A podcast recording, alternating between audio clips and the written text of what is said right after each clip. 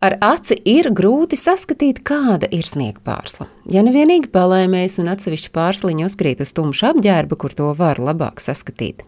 Tādēļ arī pirmie cilvēku sniegpārslu zīmējumi no vērojumiem ar aci nevienmēr bija realistiski. Piemēram, 15. gadsimtā zviedru biskups Olavs Magnus attēloja dažādas sniegpārslu formas, nu, gan tādas, kā apraksta mūsdienu zinātnieki, gan arī nēsošas, piemēram, mēnestiņu un kliņģerīšu formām.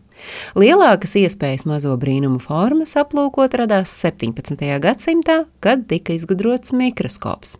Vilsons Bentlijs, amerikānis par sniegpārsliņām, sāka interesēties 15 gadu vecumā, kad viņam dzimšanas dienā uzdāvināja mikroskopu. Aizgrābts ar sniegpārslu ledus kristāla skaistumu, viņš mēģināja to fiksēt, bet allaž sniegs izkusa pārāk ātri.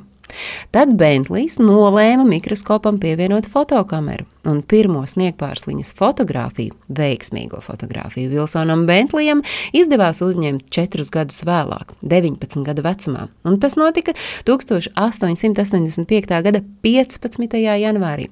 Viņam tiešām pašam pirmajam pasaulē sanāca nofotografēt sniegpārslas mikroskopu palielinājumā. Tādējādi pirmo reizi uzskatāmi demonstrēt sniegpārslu kristālu skaistumu un daudzveidību.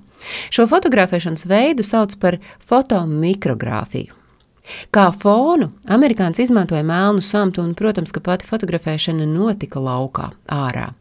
Bentlija izstrādātā sniegpārslu fotografēšanas tehnoloģija zināmā mērā nav mainījusies arī mūsdienās. Turklāt viņa uzņemtie foto bija tik kvalitatīvi, ka tos izdevās pārspēt vien pēc simt gadiem.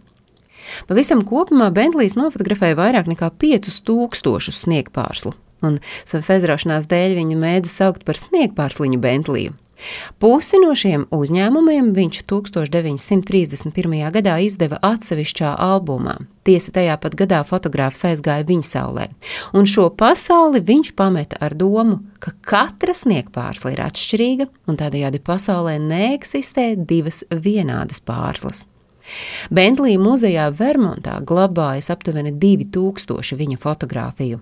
2010. gadā Ņujorkas izsoļu nams izlika Bentlī uzņemtās sniegpārsliņa fotografijas pārdošanai, un desmit no tiem tūkstošiem fotografiju, kuras Bentlijs uzņēma ar fotoaparātu un mikroskopu palīdzību, pārdota izsolē ar sākuma cenu 4800 dolāru. Pārdošanai toreiz bija izlikti arī citi Bentlī darbi, tostarp ziemas ainavas. Starp citu, katrs no mums bērnībā taču ir pamēģinājis izgriezt sniegpārsliņas no papīra, un visbiežāk tās ir ar 4, 8 vai 16 stariem. Bet izrādās, dabā tādu sniegpārslu nav. Tas, ka sniegpārsliņām ir seši stari, skaidrs bija jau sen. Pirmā rakstiskā liecība par to ir 135 gadu pirms mūsu ēras. Salīdzinot dažādas sniegpārsliņu formas, var ievērot, ka tās visas tiecas uzzīmēt vienu un to pašu attēlu - sešskaldņu kristālisko formu, ko mineraloģijā sauc par heksagonālo formu. Stāstīja Agnese Drunka.